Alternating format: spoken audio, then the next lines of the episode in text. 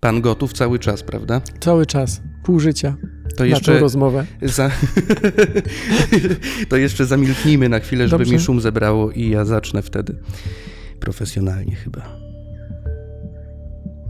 Ten program nazywa się Spotkania Pięknych Dusz, a ja nazywam się Tadeusz Marek i zapraszam w kolejną wędrówkę po krainie kreślonej słowem. A dzisiaj naszym przewodnikiem, kompanem tej przechadzki będzie, ha, no właśnie, a niech będzie pierwszy fizyk Rzeczpospolitej. Ani w życiu, weź przestań, proszę cię, od razu zaczynasz w ten sposób. Wiedziałem, że Ustawiasz się... mnie od razu na straconej pozycji. Jaki pierwszy?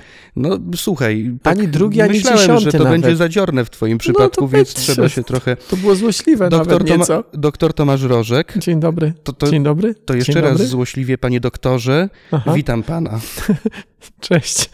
Y, mam też przygotowaną oficjalną notę, ale no, dziennikarz naukowy, publicysta, E, fizyk, fizyk jądrowy, fizyk cząstek elementarnych, popularyzator nauki, ale no właśnie, zaczęliśmy tak pompatycznie, a ja mam takie marzenie, y, pragnienie może bardziej, y, żebyśmy właśnie dzisiaj y, ugryźli to od innej strony. Bo poza tymi Gryźmy. wszystkimi tytułami i tym, że robisz to, to i tamto, że masz wiedzę, która, którą wykorzystujesz i, i którą szerzysz, e, jesteś całkiem wrażliwym facetem, który niejednokrotnie lubi dosiąść swojego oldschoolowego, jak moje słuchawki, motocykla i ruszyć gdzieś hen, może w góry i zapomnieć o Bożym świecie. E, a przy okazji jesteś wierny tej krainie, na której się znajdujemy w tym momencie, mówię o Śląsku. E, I, I o może, Zabrzu. I o Zabrzu, no tak. właśnie. Jesteśmy w kinie Roma, powiedzmy to, to jest najstarsze kino e, na Śląsku. W tym momencie już kino studyjne od początku tego roku. No i może od tej strony, co? Proszę bardzo. Tomku, często y, spoglądasz w gwiazdy? Yy, tak. Tak, ale nie, bo tak się zawiesiłem, bo to zależy o co pytasz. Yy, bardzo często dostaję maile z prośbą o to, żebym pomógł na przykład rodzicowi wybrać teleskop dla dziecka. Mhm. Ja nie mam pojęcia, co odpisać, bo ja nie zajmuję się, jestem kompromitująco słaby w takiej astronomii obserwacyjnej, więc tak, spoglądam w gwiazdy w tym sensie, że zachwycam się gwiazdami, wszechświatem, tym, co widzę. Wtedy, jak na przykład jadę w te góry, o których wspomniałeś, albo jak jestem na żaglach, albo jak nigdzie nie jestem, po prostu na ogrodzie, na tarasie siedzę. Ale y, nie spoglądam w tym sensie, że rozwijam teleskop, chociaż mam. Masz y, teleskop. Mam prawda? teleskop. E, przyglądam się, nie wiem, fazom Wenus albo kraterom na Księżycu.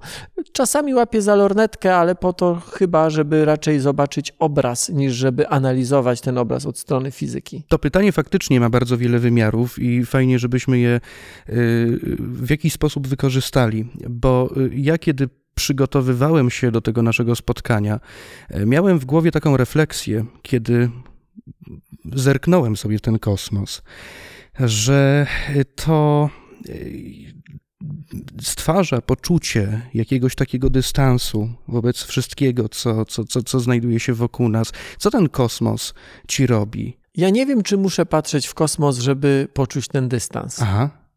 Wydaje mi się, że tak jest rzeczywiście najprościej. To znaczy, patrząc, ale też może nie tylko patrząc, ale też coś o nim wiedząc. No bo patrząc na jakiś obraz, a nie wiedząc o nim nic, um, chyba niewiele poczu poczujemy poza jakimś takim subiektywnym odczuciem, czy to jest ładne, czy brzydkie. E, na nas kosmos robi wrażenie, bo choćbyśmy się zapierali rękami i nogami, jednak jakiś kurs fizyki ze szkoły podstawowej czy z liceum przeszliśmy, jednak gdzieś te tematy kosmiczne, fizyczne, astrofizyczne, one się obijają także w tych przestrzeniach nienaukowych, więc patrząc w kosmos, nie tylko widzimy, ale też pewne rzeczy wiemy, że on jest gigantyczny, mhm. że on jest zupełnie nie do określenia, czy nie do ogarnięcia naszym mózgiem. Trudno mi powiedzieć, czy patrząc w gwiazdy, my bardziej zachwycamy się tym, co widzimy, czy bardziej przypominamy sobie to, co wiemy o nim. Nawet jeśli niewiele wiemy, no bo nie każdy jest oczywiście astrofizykiem, mm, ale to jednak te rzeczy, które pozwalają nam osiągnąć e, to, co ty wspominałeś, ten dystans, e, mhm. czy odpowiednią perspektywę, czy to jest kwestia tego obrazu, czy tej wiedzy, która przychodzi, jak widzimy obraz. A co ty czujesz, jak ścierasz się z tym ogromem kosmosu? Mm, wiesz, pewnie mocno to zależy od dnia. Czasami się zachwycam, czasami mnie to przytłacza, co jest dziwne, bo przytłaczają raczej rzeczy ciasne, a to Mhm. jest wręcz no, na odwrót. No ale ciasnota Mm. związana z jakąś niemożnością ogarnięcia tego umysłem, prawda? Możliwe, że tak. Y, Nieuchronność, Mhm. Trochę em, takie miejsce w szeregu, y, gdzie my jesteśmy. No właśnie, gdzie? na obrzeżach mało ciekawej w sumie, niezbyt dużej galaktyki. Na peryferiach gdzieś tam. Mm. I dobrze. W każdym innym miejscu by nam było gorzej, Dlaczego? mm, dlatego że świat, który tutaj mamy, to jest świat, do którego żeśmy się dostosowali.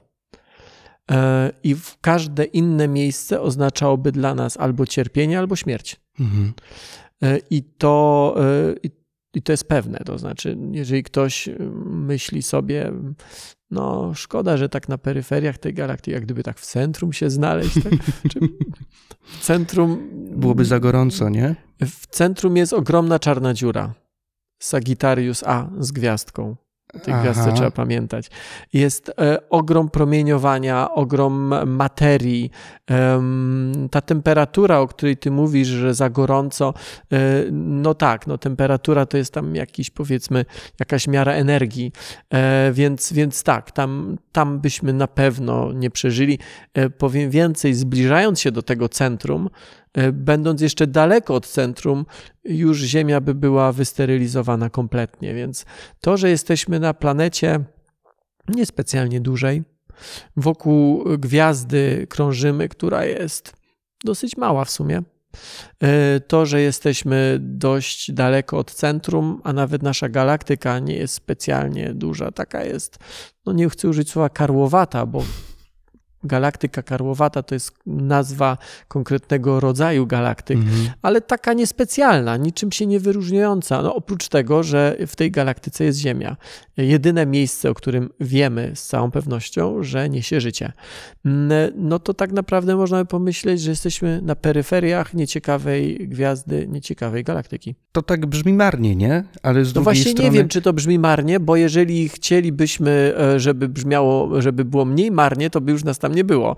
Więc może właśnie to jest sposób. Biorąc pod uwagę naturę człowieka, który całą swoją, całym swoim istnieniem dąży w jakiś sposób do samounicestwienia, to może by i to było na miejscu. Ale y, wiesz co, mówisz... Jest taka hipoteza, jeśli Mhm. mówisz o tym samym unicestwieniu, czy nawet może hipoteza to jest złe słowo, ale mm, takie rozważania. Y, no bo gwiazd jest bardzo dużo, planet też jest bardzo dużo. Rachunek prawdopodobieństwa powinien mówić, że e, nawet jeżeli na niewielkim z niewielkiego procenta e, tychże światów byłoby życie, to dalej życia powinno być bardzo, bardzo dużo we wszechświecie. Mhm. Dlaczego nie mamy żadnych sygnałów, że to życie istnieje?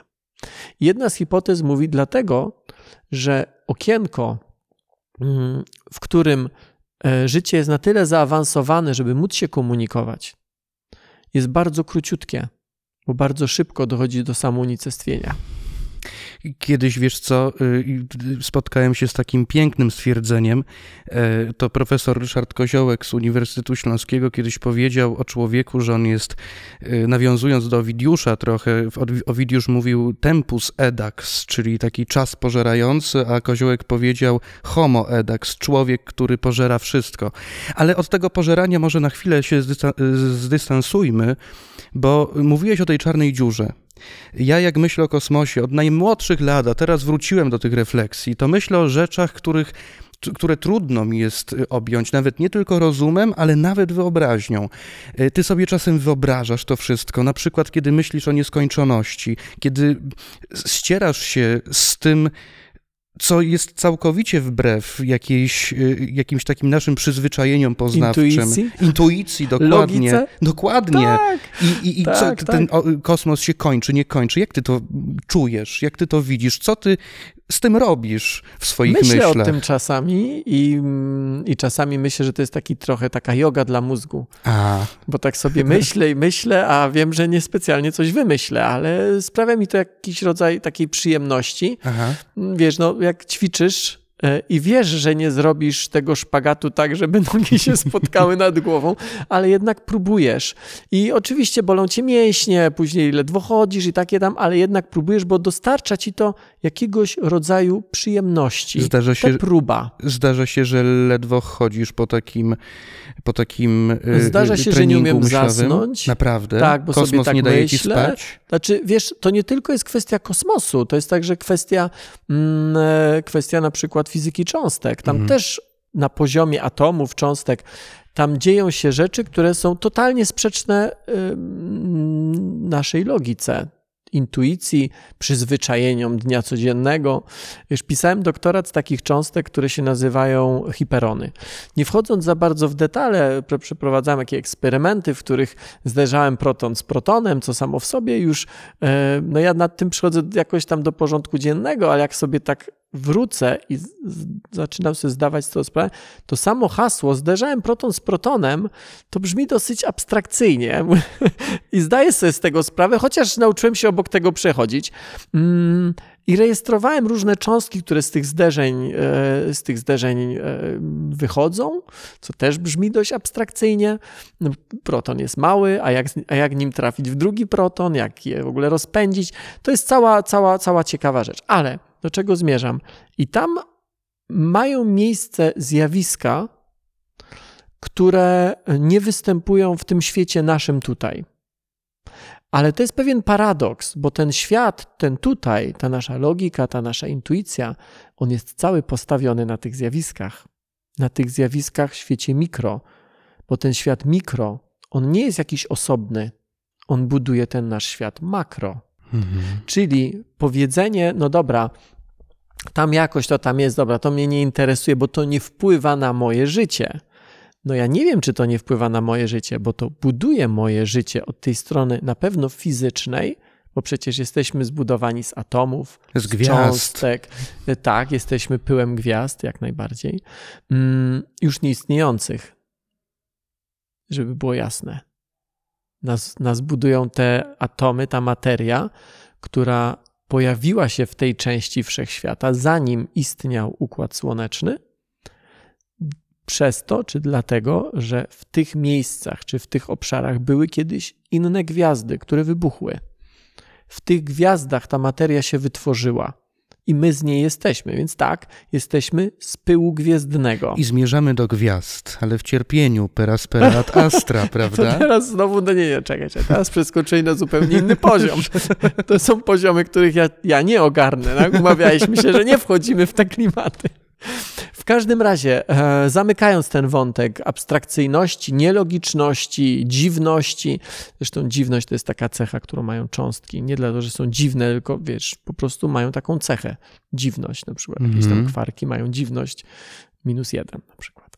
Ale dobra, e, ten, ten świat, ten taki inny niż ten, do którego my jesteśmy przyzwyczajeni tak tu i teraz, że zacytuję klasyka, to jest świat wybudowany na abstrakcji i na nielogiczności z naszego punktu widzenia.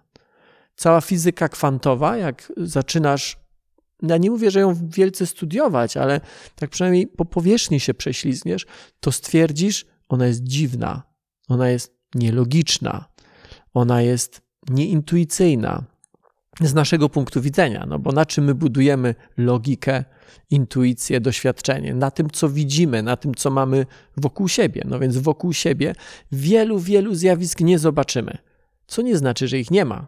Co więcej, to, co tu mamy, jest u podstaw tego wszystkiego, jest właśnie ta nielogiczność i ta nieintuicyjność. I wydaje mi się to, po pierwsze, paradoksalne, mm, po drugie, twórcze, bo to na wielu różnych poziomach mi pokazuje, żeby nie cementować się w swojej e, logice i w swojej intuicji, bo ona jest czasami, nie mówię, że zawsze, ale czasami może prowadzić na manowce. No to jest nauka pokory, prawda? Kiedy uświadomimy sobie, że te wszystkie konstrukty, które sobie tutaj budujemy, myśląc o swojej, o swojej wspaniałości i wspaniałości swojego umysłu, nagle okazują się jakąś, jakąś cząstką niejednokrotnie równoległą y, do, do, do tego, co jest w istocie, bo chyba można tak powiedzieć, że to, co nas buduje, jest takim. e, Czym jest istota? No dobra, przepraszam. Jest takim bytem samym w sobie. Y, ale w takim razie idźmy tym y, tropem takiej fantazji. E, no bo to jest wszystko opowieść o jakimś, jakiejś próbie wyobrażenia sobie czegoś, odnalezienia się w czymś. Powiedz mi... Ty... I to jest nauka.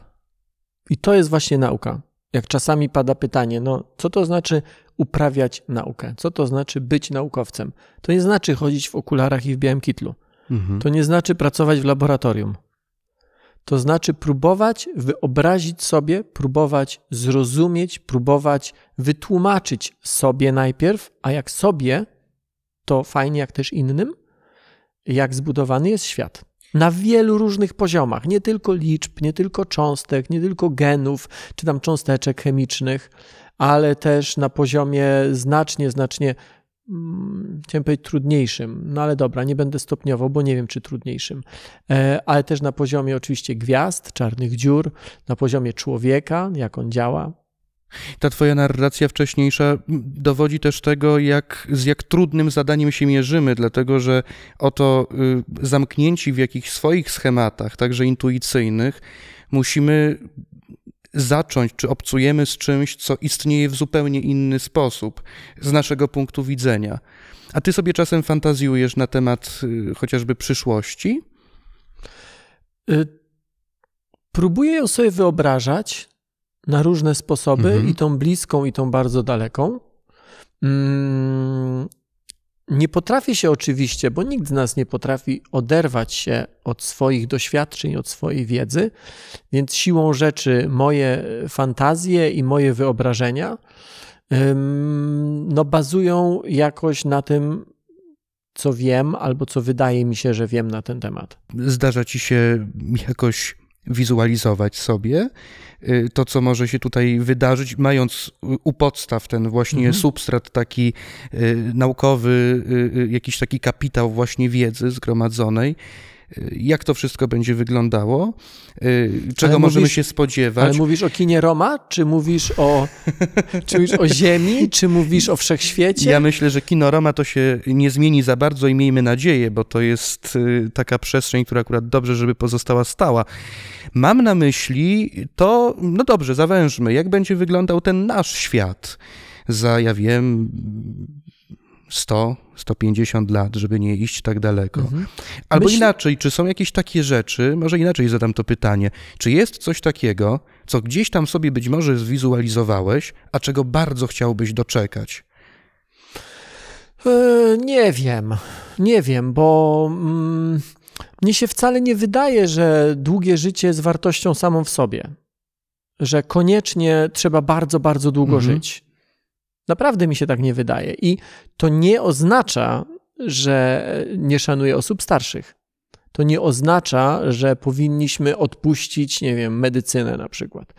E, oznacza to tylko tyle, że mm, nie uważam, żeby e, e, stawianie sobie za cel i dążenie do tego, żeby, nie wiem, przeżyć 100 lat, że, że to jest wartość sama w sobie. Mhm. Jeżeli żyjemy tych 100 lat i doświadczamy tych 100 lat i potrafimy się tym dzielić, i, i y, to tak, ale, ale dla samego życia wydaje mi się, że nie. To ja nawet nie miałem na myśli długości życia, bo my jesteśmy cały czas w przestrzeni fantazji. Chodzi o dobra, to będę szedł dalej w to. Gdybyś miał taką moc, wyobraź to mhm. sobie, że możesz sprowadzić coś z przyszłości do 2021 roku.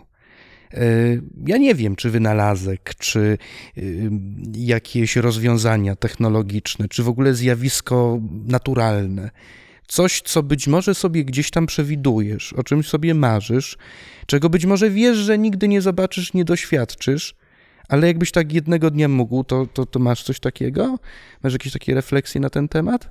Myślę, że musiałbym zrobić chyba dosyć długą listę. A. Jest wiele rzeczy, które chciałbym, żeby się zadziały, a się nie dzieją. Ym, chciałbym, żeby szły szybciej, a idą wolno. I mam na myśli zarówno konkretne jakieś badania, na przykład w dziedzinie, nie wiem, neurologii, w Mhm. dziedzinie medycyny, biotechnologii także. Y, Ale też myślę, że na tej liście znalazłyby się takie ogromne projekty cywilizacyjne, jak na przykład y, zasiedlanie nowych planet. Hmm, to o tym marzymy od zawsze. Tylko wiesz, to jest teraz pytanie, no, zasiedlanie nowych planet, czy to, czy to się zadzieje wtedy, kiedy zrujnujemy tą tutaj? Czy to się zadzieje wtedy, kiedy tu osiągniemy jakiś rodzaj, mm, no nazwijmy to powiedzmy skrótowo i trochę górnolotnie, takiego szczęścia i będziemy chcieli to szczęście eksportować? Wiesz co? Nie? I teraz w zależności od tego, czy to jest punkt A, czy punkt B, to albo bym chciał tego doczekać, albo bym nie chciał. Mhm. Bo nie chciałbym doczekać czasów, w których musimy lecieć gdzie indziej, dlatego że tu się nie da żyć. Ale chciałbym doczekać czasów, w których tu rozwiążemy przynajmniej te główne problemy, z którymi się borykamy, i cywilizacyjnie i technologicznie, jak tu wiele rzeczy zrobimy, będziemy gotowi na to, żeby to wyeksportować gdzie indziej. I teraz pod hasłem chciałbym zobaczyć, albo gdybyś mnie zapytał, chciałbyś zobaczyć kolonizację innych planet? To w zależności od tego, czy to byłby scenariusz pierwszy kolonizacji, czy drugi, odpowiedziałbym tak albo nie. A w Mhm. zasadzie nie albo tak. To zależy. Najbardziej prawnicza odpowiedź ze wszystkich możliwych I odpowiedzi. polityczna. I polityczna. I tu, się, I tu się spotykamy. Wiesz, jak mówisz o tym zasiedlaniu planet, ja wróciłem sobie trochę do literatury e, przed naszą rozmową, ale do takiej, na którą pozwala mi mój biedny umysł. A tu mam na myśli umysł nie jest Lema. biedny. i kokieterię zostawiamy na boku. Dobrze. E, Ja już wystarczająco wyrobiłem normę na początku.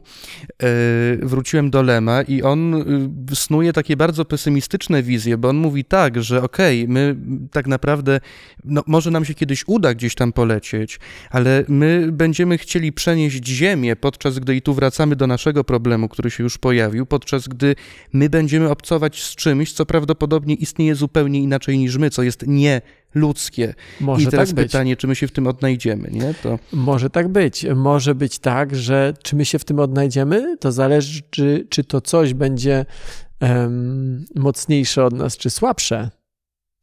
Bo e, pewną analogią być może jest na przykład, nie wiem, lądowanie Europejczyków e, w Ameryce, Mhm. gdzie też spotkali się z czymś zupełnie innym. Nie na poziomie biologii, chemii czy fizyki, ale na pewno na poziomie religii, kultury, zwyczajów, mm, także norm. I to coś okazało się słabsze i przestało istnieć, no nie dokumentnie, ale w, w dużej części. E, Czy to będzie wyglądało tak samo? Bo są też tutaj nasze ziemskie przykłady, gdzie popłynęliśmy w- zgoła w drugą stronę i tam, gdzie dopłynęliśmy, to tamta rzeczywistość okazała się silniejsza i albo nikt nie wrócił, albo wróciły, wrócili tacy ludzie z traumami Mhm. e, i ludzie, którzy opowiadali, że tam na tym brzegu ziemi to diabły żyją. Więc, więc e, to jest to pytanie. Pytanie, na które ja nie potrafię odpowiedzieć, chociaż intuicja mi tą podpowiedź podpowiada. Odpowiedź podpowiada. E, Czy my w ogóle jesteśmy w stanie z siebie wyrzucić albo stanąć obok takich instynktów, które są wpisane w nasze DNA, czy tego chcemy, czy nie? Czyli Kwestia dystansu. zdobywania, czyli zdobywania. E, Zdobywania w jakim sensie? Bo w takim sensie, że jak gdzieś przyjeżdżasz, to chcesz to zaorać i chcesz tam posadzić swoje. Być może jest tak, y, ja tego nie wiem, być może jest tak, i znowu tu mi bardziej intuicja podpowiada niż wiedza, mm, że dzięki tych, tym cechom, których czasami się wstydzimy, czasami je pokazujemy palcem, ci pokrzywdzeni pokazują palcem, to te cechy nas skrzywdziły, ale równocześnie ci pokrzywdzeni także są z gatunku Homo sapiens i mają dokładnie to samo DNA co my, więc robili dokładnie to samo, może w innej skali, może w innych czasach, ale robili to samo. być może to jest źródłem naszego sukcesu. Pytanie tylko, i tu już wchodzimy na poziomy mocno filozoficzne, czy tego rodzaju sukces sam w sobie jest czymś wartym, um, nie wiem, powielania? Mhm. Czy to jest tak, że coś, co nam niewątpliwie pomagało przez setki tysięcy, może nie, może dziesiątki tysięcy lat, mm, czy to jest cecha, którą powinniśmy teraz hołubić, przytulać, rozwijać, czy raczej powinniśmy się zastanowić, no dobra, zdobywanie zdobywaniem, ale jak my tak będziemy zdobywali non-stop, to się pozabijamy wszyscy. Jak mówiłeś, to przyszedł mi do głowy ten fragment. Y, Miało to być w istocie okrutniejsze od zemsty. Chodziło o zniszczenie tego, czego nie możemy pojąć. Ale Ale robimy to na co dzień. taka jest nasza natura, chociaż z drugiej strony, y, mimo wszystko jest, i myślę, że dobrze, żeby i tutaj spojrzeć, jest y, cały poligon tych, którzy nie rozumieją, a chcą zrozumieć, którzy nie rozumieją, ale próbują ścierać się z tym i nie dają za wygraną i nie y, pozwalają na to, żeby ta szpetna część naszej natury dochodziła do głosu. No i tutaj znowu wracamy do nauki. Tak, nauka, edukacja, świadomość. A ja, ponieważ tutaj uruchamiamy y, uzbrojenie literackie, które mam, to będzie teraz z Tomasza Rożka fragment y, z książki, którą napisałeś już jakiś czas temu.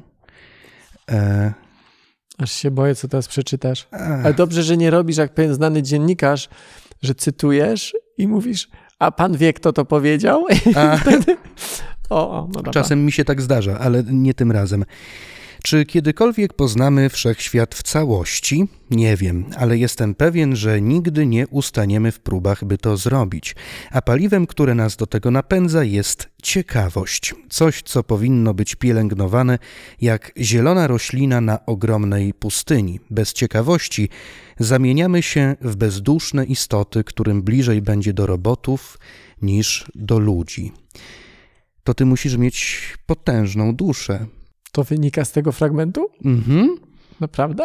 Ciekawość. Ciekawość jako... myślę, że mam. No dlatego mówię o tym. Powiedzieli, że Ale- bez ciekawości bylibyśmy bezduszni, idąc w drugą stronę. Dobra, ale bezduszni to ma trochę inne znaczenie niż ktoś, kto nie ma duszy. No tak, no ale to w takim Hmm. razie biorąc pod uwagę to, że Tu jak wchodzę nie... trochę butami w twoje re- rejony, ale wiesz, ale łatwo się nie nam wyprowadzić. Słuchaj, to ja też nie pozwolę, bo moje rozumowanie wyglądało w ten Aha. sposób, że jeśli ciekawość jest przesłanką jakiegoś takiego rozwoju, który zawiera w sobie ten kapitał duchowy, Mhm. ludzki, no to im więcej tej, tej ciekawości, Tym więcej tym duszy? więcej duszy. Powiedziałbym, że im więcej ciekawości, tym więcej człowieczeństwa. Mhm. Ja o tę ciekawość oczywiście pytałem, to była metafora. Tak, tak się domyśliłem, ale pomyślałem, że tak troszkę z drugiej strony.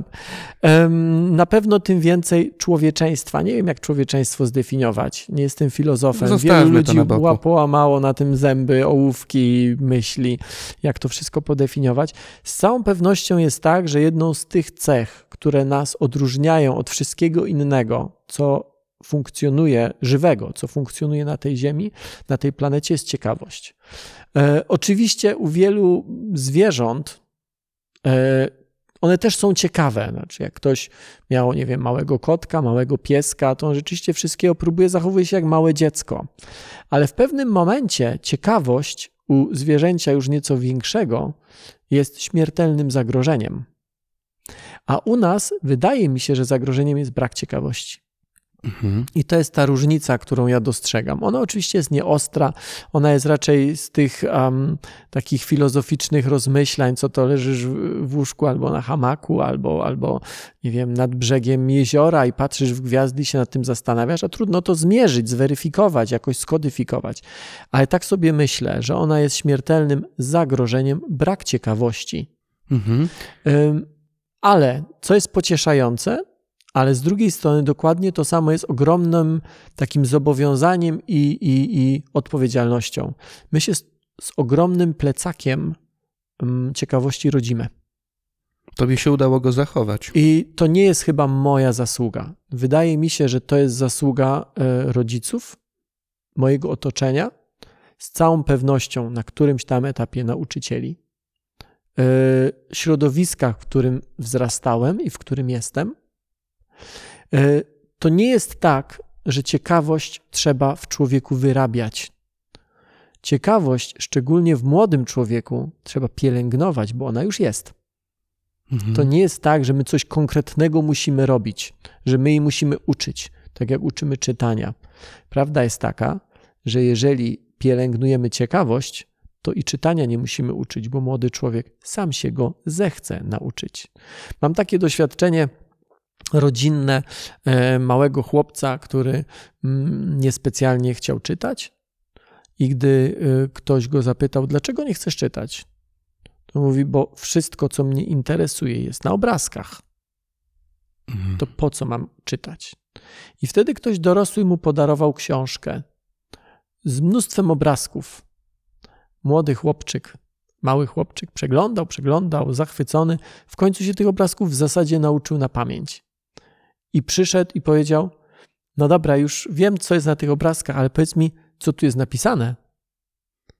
Nie? I dorosły nas powiedział: Słuchaj, podobno wszystko, co cię ciekawi, jest na obrazkach. No chyba, że nie. A jak nie, to się naucz czytać. I się nauczył.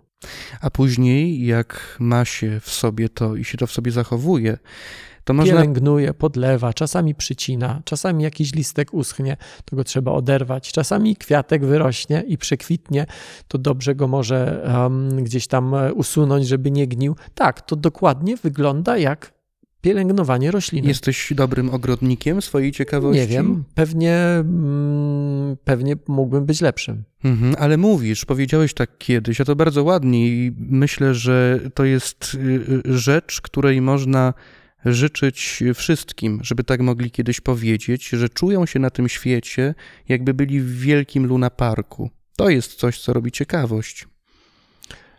Mm, Ja tego nie powiedziałem. Powiedziałeś. Nie, o Luna Parku? Tak. A w życiu. A... Takiego Jestem, słowa? jestem jak dziecko w dużym lunaparku. Tomasz Rożek. Nie wiem, gdzieś to przeczytał. Usłyszałem. Bo ja tak, znaczy ja rozumiem oczywiście słowo Luna Park, ale jak go nie używam, raczej powiem o wesołym miasteczku, dlatego mnie to zadziwiło. A to może w wesołym miasteczku, może ja sobie No, niedokładnie to więc dlatego mówię, że w. Luna Parku? Mm, e, chyba nie, chyba nie. Nie wiem, ja to sprawdzę, spra- Wiesz co, sprawdź. Wiesz co, nie chodzi mi o to, że tak, to jest coś takiego, tylko że ten Luna Park, czy to wesołe miasteczko, to można różnie rozumieć. To można zrozumieć jako takie miejsce dość mocno chaotyczne, miejsce, w którym stoimy na środku i po prostu nas to przeraża. Za dużo rzeczy, za dużo bodźców. Albo można to zrozumieć jako miejsce, w którym nie potrafimy ustać w miejscu, bo każda z rzeczy nas interesuje i każdej chcemy spróbować. Więc ja to drugie raczej niż to pierwsze. Mhm. Ale wiesz co, jeszcze jedna rzecz przychodzi mi do głowy, e, a mianowicie dedykacja tej książki, Mhm. która mnie wzruszyła. Przeczytałem ją y, pierwszy raz tak naprawdę. Ja ją przeczytam y, Zuzi Jankowi y, z wielką nadzieją, że nic i nikt nie zabije w was ciekawości, ciekawości świata i ciekawości ludzi. Tomku, dokąd zaprowadziła cię ta ciekawość świata, a może bardziej ludzi nawet? W jakie miejsca? Co dzięki niej odkryłeś? Wiesz co, ona mnie prowadzi cały czas. Mhm. E, Liczę, że jeszcze jakiś czas mnie poprowadzi. E, Więc nie potrafię odpowiedzieć, dokąd mnie zaprowadziła. Dokąd mnie prowadzi? No, prowadzi mnie w te miejsca, w których jestem. Te miejsca to znaczy, em, no właśnie, chociażby, chociażby te wieczorne rozmyślania, chociażby to, że em, chętnie się tym dzielę. Może to wynika gdzieś tam z, mojej, z mojego jakiegoś tam zachwytu nad samym sobą, ale y, wychodzę z założenia, że jeśli dla mnie jest coś ciekawe, to może dla innych ludzi też. Więc o tym piszę, robię o tym filmy, chętnie o tym opowiadam. Jeżeli ktoś chce słuchać, a chyba chce słuchać, bo, bo, bo mam takie przynajmniej sygnały, że chcą słuchać. Y, I to mi dostarcza satysfakcji z jednej strony, z drugiej strony takiej satysfakcji dobrze wykonanego zadania. Zadania, ok, dobrze, no, które pewnie dałoby się wykonać lepiej, ale y, tak sobie myślę, że może to samo czuje ktoś, kto wybudował dom.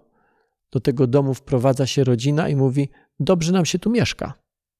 I on widzi, że jasne, że ta ściana mogłaby być tak 20 centymetrów w prawo, a to okno mogłoby być troszkę wyżej, ale najważniejsze jest to, że tym ludziom się tam dobrze mieszka.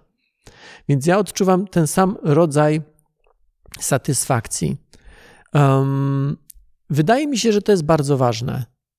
I czasami, no, w ciągu ostatniego powiedzmy półtora roku mniej z powodów pandemicznych, ale e, wcześniej dosyć często spotykałem się z młodymi ludźmi. Bardzo to lubię, e, bo to mi też dostarcza odpowiedniej perspektywy. E, zdaję sobie sprawę, że no ja mógłbym być ich ojcem, bo moje dzieci są w wieku nastolatnim, ale bardzo często ci ludzie mi zadają pytanie, ci młodzi ludzie mi zadają pytanie, co zrobić, żeby w życiu być mm, spełnionym zawodowo. Co zrobić?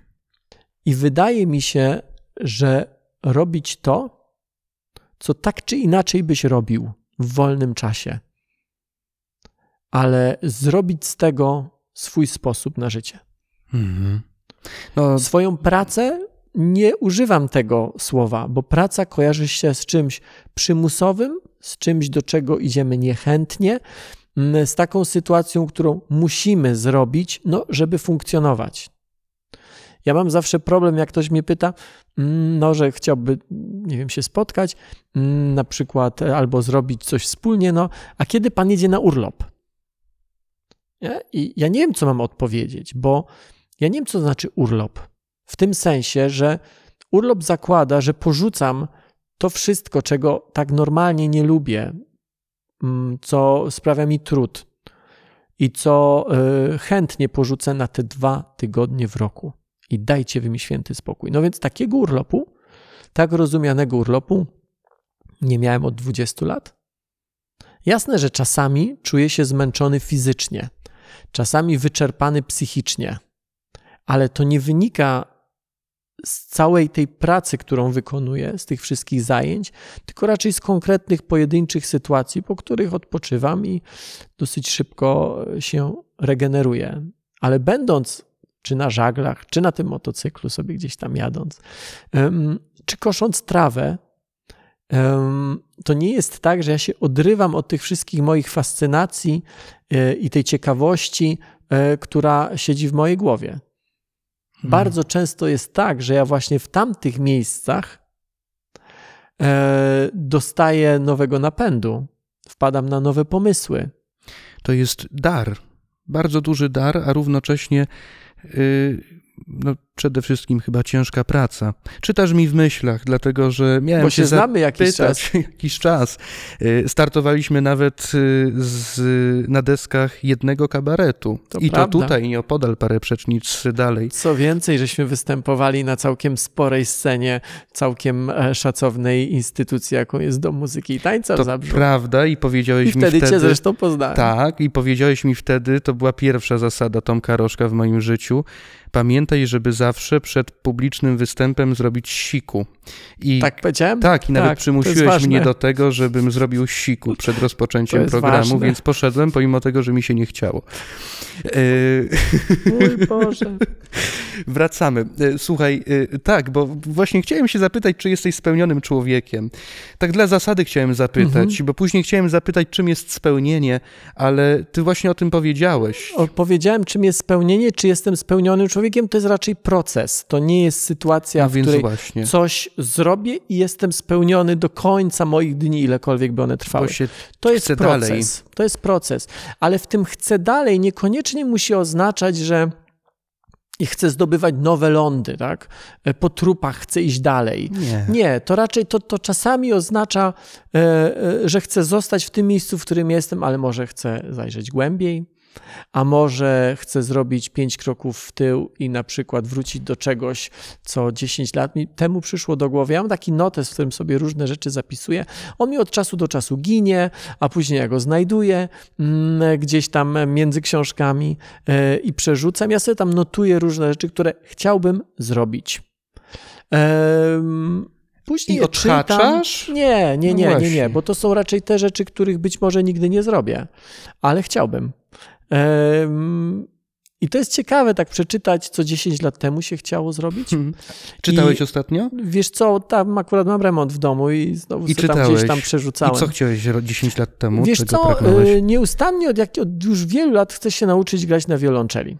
Aha ale nie wiem, czy się nauczę, bo mi ciągle brakuje czasu. Na razie uczę się grać na, na mandolinie. I grasz też na harmonijce, grasz nie, też. Tutaj bym nie szarżował ze słowem grasz na harmonijce. Grywasz, y, akompaniujesz. O, raczej Dobra, tak, tak raczej tak, raczej tak. Y, tak, grywam na skrzypcach, skończyłem szkołę muzyczną w klasie skrzypiec, ale to było dawno temu. Nie jestem muzykiem, e, który regularnie ćwiczy, więc w zasadzie dzisiaj moja gra na skrzypcach e, to jest raczej gra na słuch niż z nut. Zatraciłem umiejętność czytania nut avista. Biorę nuty, kładę na pulpit i gram. Nie potrafię już tego robić. Natomiast jak wypływamy, to tak, gram szanty. Mhm. Jak y, mm, przychodzi okres Bożego Narodzenia, tak, gram kolendy.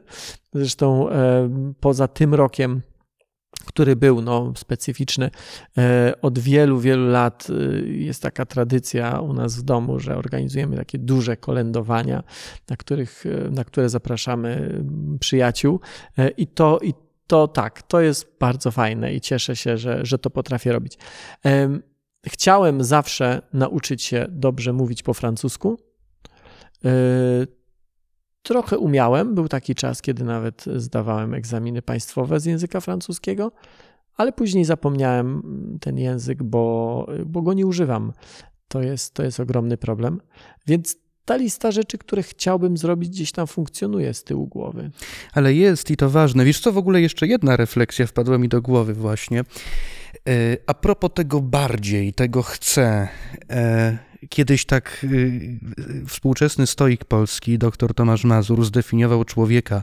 Powiedział, że człowiek jest homo axiologicus, czyli właśnie tym, który nieustannie dąży w kierunku wartości, czyli tego bardziej mocniej, to my jesteśmy jak wszechświat, który też nieustannie mknie do przodu, rozwija się i to jest taki przyrost, uwaga, test Tadeusza Marka, czy pamięta dobrze, geometryczny, prawda? Bo im, y, prawda, dalej, to tym bardziej i nie, że liniowo, tylko nieważne. Wiesz co, tylko yy, znaczy tak, wszechświat się rozszerza, więc w tym sensie bardziej rozszerza się najpewniej coraz szybciej. No, to Więc właśnie to miałem na myśli. W sensie bardziej i jeszcze bardziej, jeszcze bardziej. Ale to oznacza, że w pewnym sensie wszechświat dąży do nicości. Nie, nie, no to tutaj to jest pewien rodzaj nieścisłości jest, analogicznej. Jest, tak, ma swoje ograniczenia.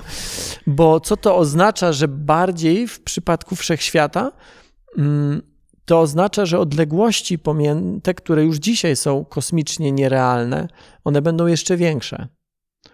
To także oznacza, niekoniecznie jest to związane, czy nie jest to związane z samym rozszerzaniem się, ale raczej z wiekiem, że z czasem coraz mniej gwiazd będzie świeciło, bo, bo gwiazd, dla gwiazd na, takim na, paliwem o, jest wodór, a wodór powstał tylko raz w czasie Wielkiego Wybuchu. Jego ilość jest I ograniczona. Jak on się skończy, to wtedy tak, będzie... I wtedy gwiazdy przestaną świecić. Czyli... I przyjdzie taki czas ciemności. ciemności. Tak. Była taka era ciemności kiedyś, zanim pierwsze gwiazdy powstały. I do tej ery, do tego czasu yy, dążymy. Do czasu w skali oczywiście wszechświata. To, to, to jest, my tu nie mówimy o nawet, nie wiem, milionach lat, czy setkach milionów, czy setkach miliardów ale mm, to jest taki czas, w którym będzie bardzo zimno, bardzo ciemno i coraz dalej. Hmm. Ale to na szczęście. Ale nie chciałem, żeby tak nasza daleko. rozmowa w tym kierunku szła. Więc, ale wiesz, tak budując analogię, Niech idzie.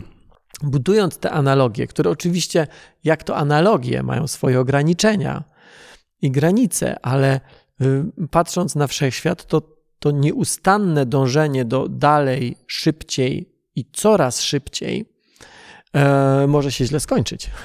Więc e, ja mówiąc o tym, czy ty mówiąc, e, tak przynajmniej to zrozumiałem, komentując to, co ja wcześniej powiedziałem, że ty tak chcesz dalej, czy szybciej, czy mocniej.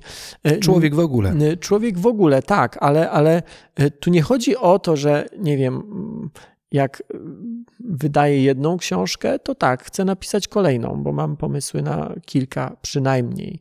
A może jakbym usiadł i pomyślał chwilę dłużej i ten mój kajet znowu gdzieś tam wyciągnął, to na- nawet więcej niż kilka. Y, Ale ja nie mam takiego ciśnienia, że jak każdego roku wydaję książkę, to teraz chcę dwie książki wydawać każdego roku, a później pięć. Bo wiem, że to by się źle skończyło. Czy źle skończyło tam palicho, czy dla mnie, czy nie. Ale jeżeli książki piszę po to, żeby innych ludzi zafascynować czymś, co mnie fascynuje, to jeżeli napiszę któregoś roku pięć książek, to nikogo nie zafascynuje, bo te książki po prostu nie znajdą odbiorcy. No tak, ale to głębiej, bardziej to też jakość, prawda? Więc to, to, to ma bardzo wiele To wymiarów. ma wiele wymiarów, wiele znaczeń, ale wolałem to wyprostować, bo rzeczywiście pod hasłem, że chcę bardziej, bardziej, em, raczej tutaj gdzieś tam mi pobrzmiewa ilość. Mhm, Okej, więc mamy jasność w tym momencie. Y, Tomku, ile w tobie dzisiaj spokoju? Eee, Pozwól, że ucieknę od, tego, od tej odpowiedzi pytaniem, a co masz na myśli mówiąc spokój? Mam na myśli taką sytuację, w której Pogodzenia się z czymś? y, no być może, być może pogodzenie się z niepewnością, która y, Myślę, że coraz gdzieś tam. więcej.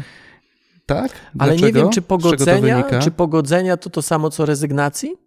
Nie no, rezygnacja brzmi jak wycofanie, a pogodzenie jest czymś, co sprawia, że Staję w miejscu. mam, nie, że mam świadomość tego, że wiele rzeczy ode mnie nie zależy i Mhm. po prostu biorę to na swoje, y, na, biorę to na klatę i robię swoje po prostu. Więc wiem, tak, wiele rzeczy ode mnie nie zależy i muszę się z nimi pogodzić. Więc jeżeli tak definiujemy spokój, to coraz więcej. Okej.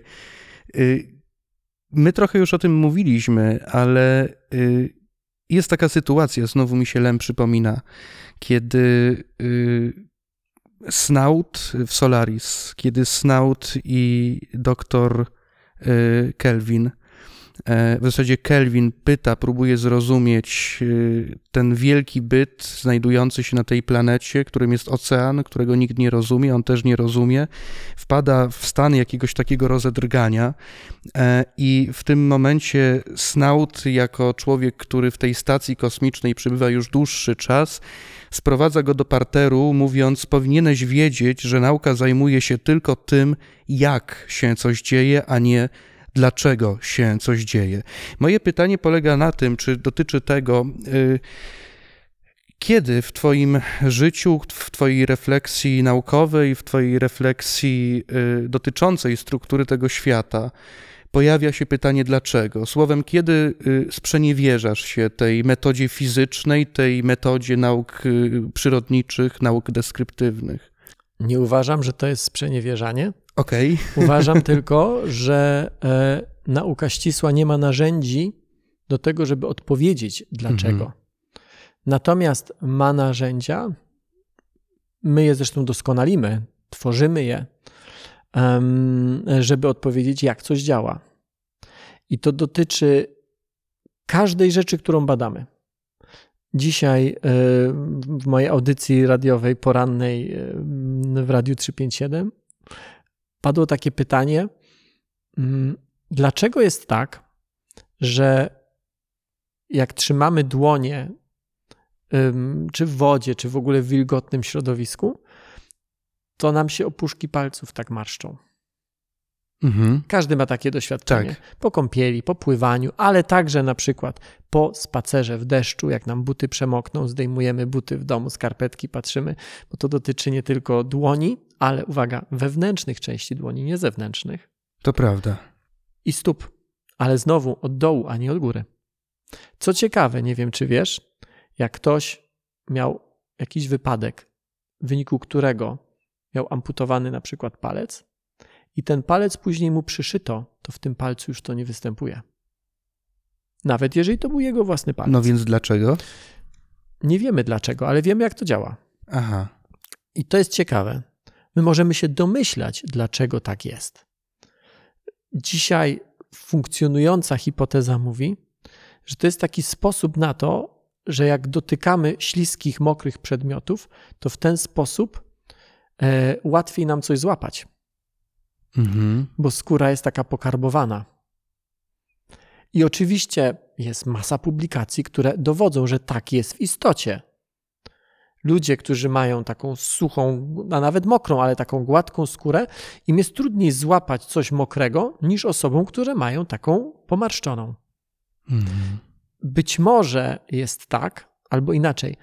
Tę hipotezę wspiera także fakt, że ten efekt występuje tylko na chwytnych częściach naszego ciała.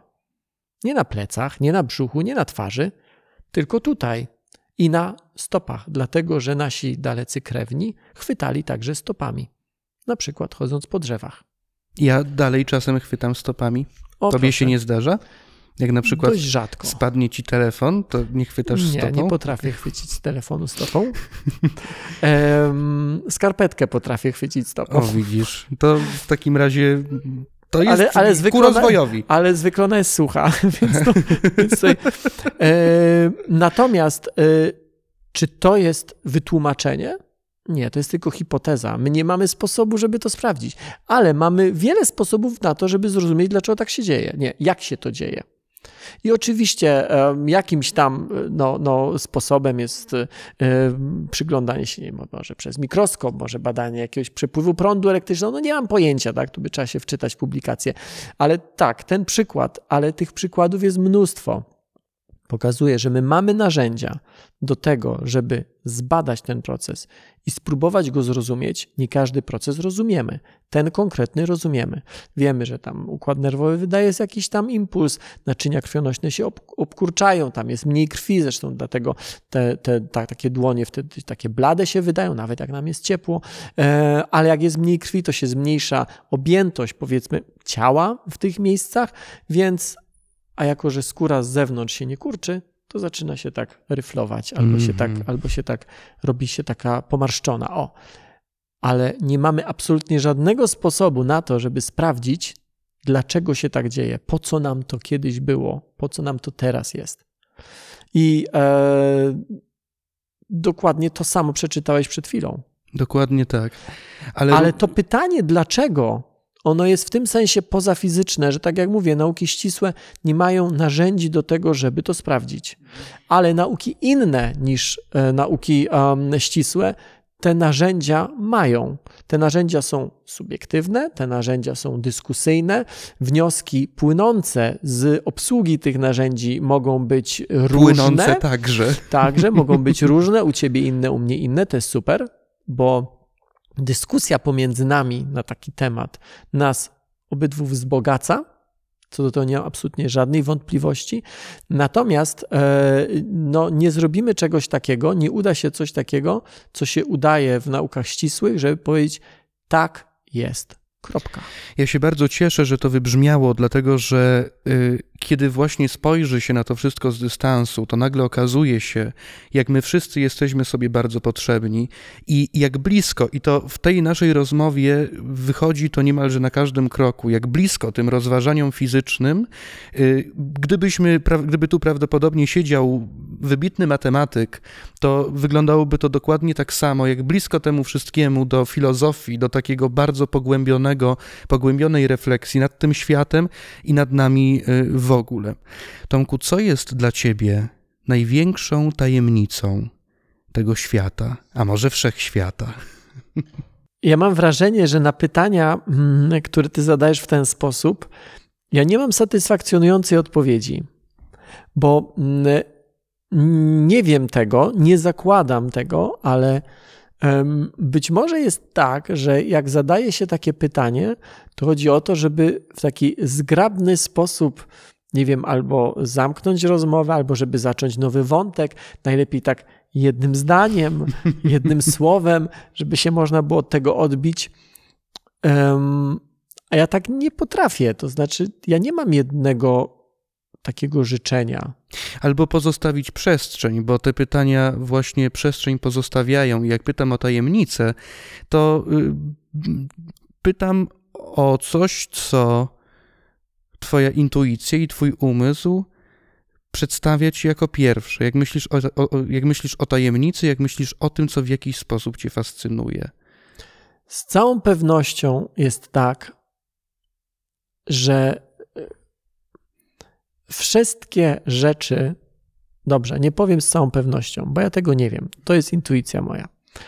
E, te wszystkie rzeczy, o których myśmy rozmawiali, ale też mnóstwo tych, które się nie pojawiły, które wydają się być mniej lub bardziej skomplikowane, one wszystkie to jest zabawa w porównaniu z człowiekiem, mhm. E, z mózgiem człowieka z świadomością. Pojawiało się w naszej rozmowie słowo duszą, e, samoświadomością. To są rzeczy inteligencją. To są rzeczy z jednej strony tak bliskie nas, że nawet w tej takiej warstwie słowa nie da się ich oderwać od człowieka, Czasami próbujemy, nadajemy takie cechy powiedzmy zwierzętom, chociażby czasami nawet przedmiotom, ale wydaje mi się, że jak się głębiej zastanowimy, to one są z nami sklejone tak bardzo, że się bardziej nie da. A z drugiej strony y, jesteśmy tak daleko od ich zdefiniowania, zrozumienia, jakiegoś takiego skodyfikowania, y, jak pojawia się dyskusja o sztucznej inteligencji, Mm, często daję wykłady o sztucznej inteligencji, to mój pierwszy problem polega na tym, że ja nie wiem, co to jest inteligencja. I od tego w ogóle zaczynam. O czym my tu w ogóle mówimy? Przecież my nie wiemy, czym jest inteligencja. To jest, chyba, chyba, chyba święty Tomasz powiedział coś takiego, że mm, każdy wie, czym jest czas, póki nie musi tego powiedzieć na głos. I z inteligencją jest tak samo. Każdy wie, czym ona jest. Łączymy mnóstwo innych słów z inteligencją, ale jak powiesz, no dobra, okej, okay, to żeśmy sobie pogadali, a teraz konkretne kryteria. Takie matematyczne na stół. Mhm. Nie ma. I to jest fascynujące, że coś, co nas buduje tak bardzo, że nie potrafimy tego odkleić od nas, równocześnie jest czymś tak bardzo obcym, niedefiniowalnym, niezrozumiałym. I um, czy chciałbym to kiedyś zrozumieć? Nie wiem, bo być może najciekawsze w tym wszystkim jest właśnie to, że my tego nie rozumiemy. Być może jest tak, że jak już coś pojmiesz, jak już coś rozumiesz, to to przestaje być dla ciebie ciekawe. Nie chciałbym zatracić, tak jak w tej dedykacji, o której wspomniałeś, nie chciałbym zatracić ciekawości, czyli chyba nie chciałbym wiedzieć wszystkiego. A zatem zostajemy przy tajemnicy, zostajemy na styku wszystkich nauk, któreśmy sobie dotychczas wymyślili i zostajemy trochę zagubieni, ale w tym zagubieniu, jak dobrze czytam Twoje słowa, odnajdując wielką wartość. Jak w tym wesołym miasteczku nie Luna Parku, wesołym okay. miasteczku. Jesteśmy w tym sensie zagubieni, że nie tak jak w nocy w lesie, że wszystko nas przeraża. Tu sowa, tu jakiś patyk się złamie i nas to przeraża. Jesteśmy załamani, zagubieni, tylko raczej jesteśmy zagubieni chyba z nadmiaru e, miejsc, które albo chciałbym, żebyśmy byli zagubieni z nadmiaru E, miejsc, które chcielibyśmy poznać, zobaczyć, zrozumieć. Rozedrgani jak dzieci, które muszą Coś biec w tym rodzaju. i Coś zobaczyć. w tym rodzaju. No to cóż, to życzmy sobie tego, żebyśmy y, nie dostali zbyt dużej zadyszki w trakcie tego biegu od stoiska do stoiska, od karuzeli do karuzeli. Czasami żeby... się zatrzymajmy przy nich, tak. Okej. No tak, no zatrzymać się musimy, żeby coś tam zobaczyć. Niektórzy się nie zatrzymują. kolejce. Niektórzy się nie zatrzymują i to jest kłopot, bo interesuje ich wszystko, ale wszystkiego nie są w stanie ogarnąć. Czasami to prowadzi do jakiegoś rodzaju mm, takiej utraty wiary w siebie. Na niczym się nie znam, nic nie potrafię. No tak, bo nigdzie się nie zatrzymałeś. A czasami warto się zatrzymać. Warto się zatrzymać i czasem spojrzeć też w górę i w te Tak. gwiazdy, jak już się człowiek zatrzyma. I pod nogi, żeby się nie potknąć. Doktor Tomasz Rożek był naszym gościem i przewodnikiem w ostatnim w tym sezonie letnio-wiosennym wydaniu spotkań pięknych dusz. Tomku, bardzo Ci dziękuję. Ja Ci bardzo dziękuję za zaproszenie. Państwu Wam dziękuję za oglądanie. No i zapraszamy. Y, Oczywiście nauka to lubię y, na Facebooku i na YouTubie, Teraz mówię, e, nauka to lubię nie tylko na Facebooku i YouTubie, bo jeszcze jest fundacja. bo jest i... fundacja, bo jest podcast, bo jest Nauka to lubię junior, kanał dla dzieci nowy, e, jest e, serwis naukatolubie.pl, więc e, to tak pączkuję. To tam zapraszamy wszędzie, Wszędzie. do tych rozpączkowanych już dzisiaj zostawmy wszelką zręczność językową drożdży e, marki e, Nauka to lubię. Tak. Zapraszam też tutaj, jeśli możecie, to zostawcie y, subskrypcję i tę y, rączkę w górę, dlatego że to sprawi, że być może będzie nas tutaj więcej i ta pokaźna gromadka, y, którą stworzymy, a którą tworzymy cały czas, będzie taką piękną przestrzenią wymiany myśli. O tym marzę. Piękna Wam życząc. Także i ja, Tadeusz Marek, byłem tutaj przez ostatnią ponad godzinę. Pa, pa.